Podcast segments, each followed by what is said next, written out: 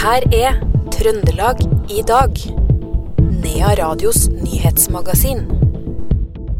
Tydals ordfører Jens Arne Kvello er skuffa over statsforvalteren etter vedtaket om å stoppe skuterløypa mellom Ås og Nedsjøen i Tydal.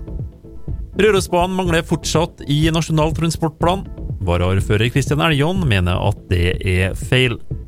Og Trønderavisa-redaktør Sivert Rossing fridde i helga spontant til Adressa-journalist Torunn Støbakk foran Pål Steigan, to Frp-ere og andre journalister i baren på Hell-konferansen.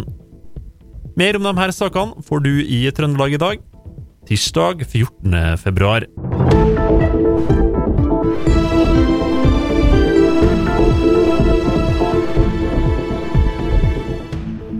Først skal vi til Tydalen. Fordi etter nesten to års saksbehandlingstid har statsforvalteren i Nordland satt en stopper for skuterløypa mellom Ås og Nedsjøen i Tydal. En tragedie for Tydal, sa stortingsrepresentant Heidi Greni til Nea Radio i går. Hun mener at statsforvalteren på eget initiativ i denne saken strammer inn et lovverk som Stortinget har vedtatt skal liberaliseres. Tydalsordfører Jens Arne Kvello er skuffa over vedtaket. Skuffelsen er vel, er vel størst på at statsforvalteren i, i Trøndelag klager på løypa. Det er, er det store. For Det Ja. må vi ta med at eh, Nordland har jo behandla det, men det er jo statsforvalteren i, i Trøndelag som har klaga. Er det spesielle ting med klagen som du eh, reagerer spesielt på? Ja, reindriftsavdelinga er statsforvalteren i Trøndelag som har klaga. Og, og reindriftsdistriktet vi har sjøl her, har jo kommet til enighet med. og Jeg syns liksom det her er med oss å danne konflikter. For det, det skjer noe med samfunnet til oss, for det er, det er ganske viktig, de løypene vi har nå. Og når de har gått med på at vi har fått til en ordning som fungerer, så er det veldig rart at statsforvalteren går inn og gjør noe med det. Har du som ordfører i Tydal spekulert på hvordan det ble det her utfallet?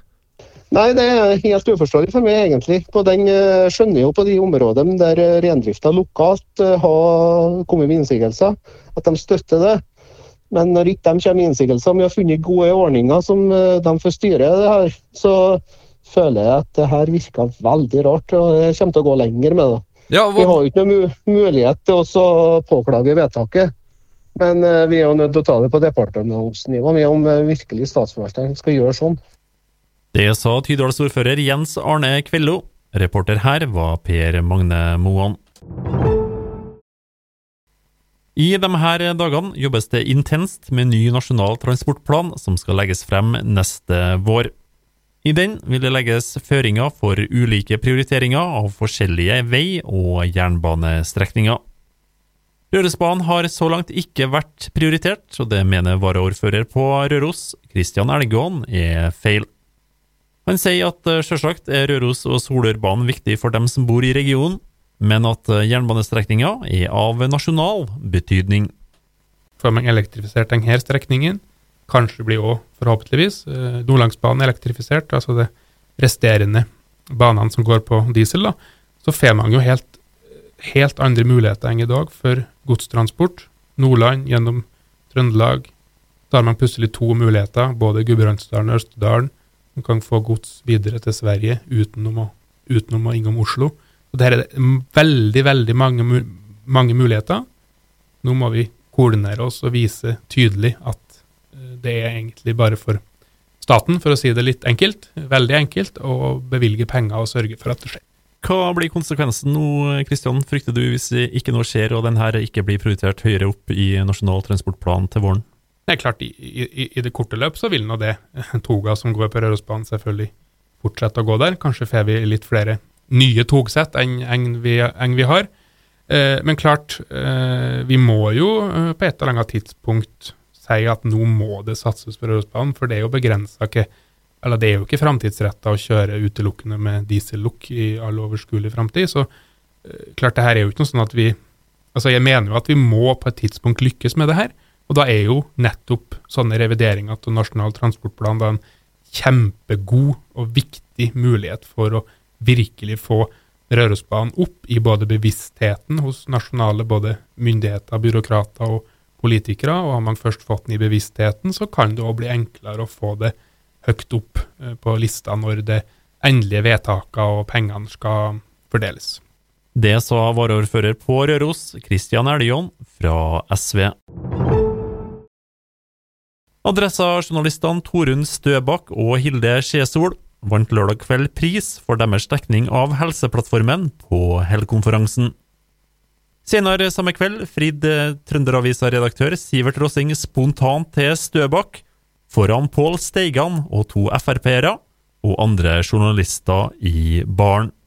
Det, jo, det, var jo veldig sånn overveldende i øyeblikket og, og eh, veldig følsomt, vil jeg, vil jeg jo si. Eh, og veldig artig. Eh, og Så våkna vi dagen etter og fikk se videoer fra alle vinkler. og eh, ble jo kanskje i overkant offentlig, da, men eh, samtidig det var jo det var en veldig passende anledning. Vi har jo møttes i journalistikken og, og kjenner jo hverandre gjennom et langt liv med journalistikk. og Torunn har vunnet pris den kvelden, og så var det ei kollega av hun som sa at ja, kanskje du bare skal fri nå? Da. Så tenkte jeg ja, det var jammen en god idé. Så da ble det noe sånn, da. Ja, det var, det var ikke mer planlagt enn som så, så det, du er så spontan, eh, Sivert, at du rett og slett kom på det der og da? Jeg vet, jeg vet ikke om jeg er det sånn alltid, men eh, denne gangen så var det ca. tolv minutter planlagt, ja. Uh, jeg måtte jo faktisk trekke Torunn ut av den møtesalen og, og, få henne opp i baren. Jeg fant ut at det var, var bedre å gjøre det der enn på en halv tom møtesal, for det var, var ferdig da, den festmiddagen. Ja. Hadde han planlagt det litt bedre, så hadde han jo sikkert hatt en ring. Ja, for det var en litt spesiell, spesiell ring han stilte med. Han fant jo et symbol da til slutt. Ja, det var deltakerbåndet fra hele konferansen, da, så det var litt corny. Jeg må, må innse det.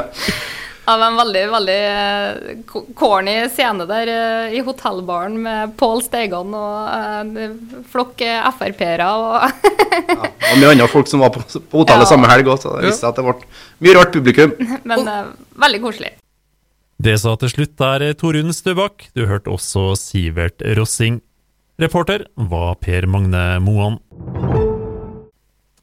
I dag starta arbeidet med å fjerne huset på krana som velta i Melhus den 6. januar. Dette er siste del av opprydningsjobben etter dødsulykka, det skriver Trønderbladet. I går ble den nedre delen av ulykkeskrana fjerna fra Melhustorget, deretter ble den delt opp og frakta vekk. Trond Giskes lokallag Nidaros Sosialdemokratisk Forum har fått over 1000 nye medlemmer de siste dagene, det skriver Dagbladet. 800 av dem her kom i løpet av to dager etter at Giske var i heftig diskusjon med Aps partisekretær Kjersti Stenseng på NRKs Debatten forrige torsdag. Det bekrefter Giske overfor Adressa.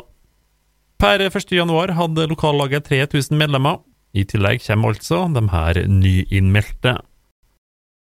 Helseplattformen har hatt større utfordringer enn venta. Det innrømmer administrerende direktør Stig Slørdal i Helse Midt-Norge som er største eier i journalsystemet, det skriver Adressa.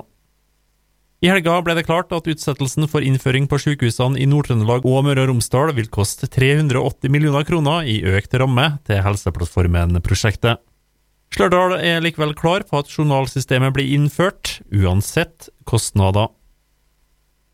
Staten må betale 400 000 kroner i erstatning til en lastebilsjåfør fra Kolvereid. Det er konklusjonen til Trøndelag tingrett, skriver Trønderavisa. Mannen som tidligere har slitt med rusproblemer, fikk inndratt førerkortet fordi Politidirektoratet mente at han ikke var en edruelig sjåfør. Et vedtak som ble kjent ugyldig både i tingretten og senere i lagmannsretten i 2021. Mannen saksøkt så staten for manglende inntekt i perioden han var uten førerkort, og fikk nå altså medhold også her. Så skal vi over til politiloggen. En traktor med tømmerlass på hengeren har velta på rv. 716 ved Gurvikdalen på Frøya.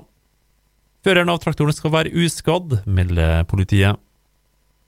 Et barn var blant de involverte i ei trafikkulykke mellom to biler på begynnelse i Trondheim i dag tidlig. Det var til sammen tre personer i bilene.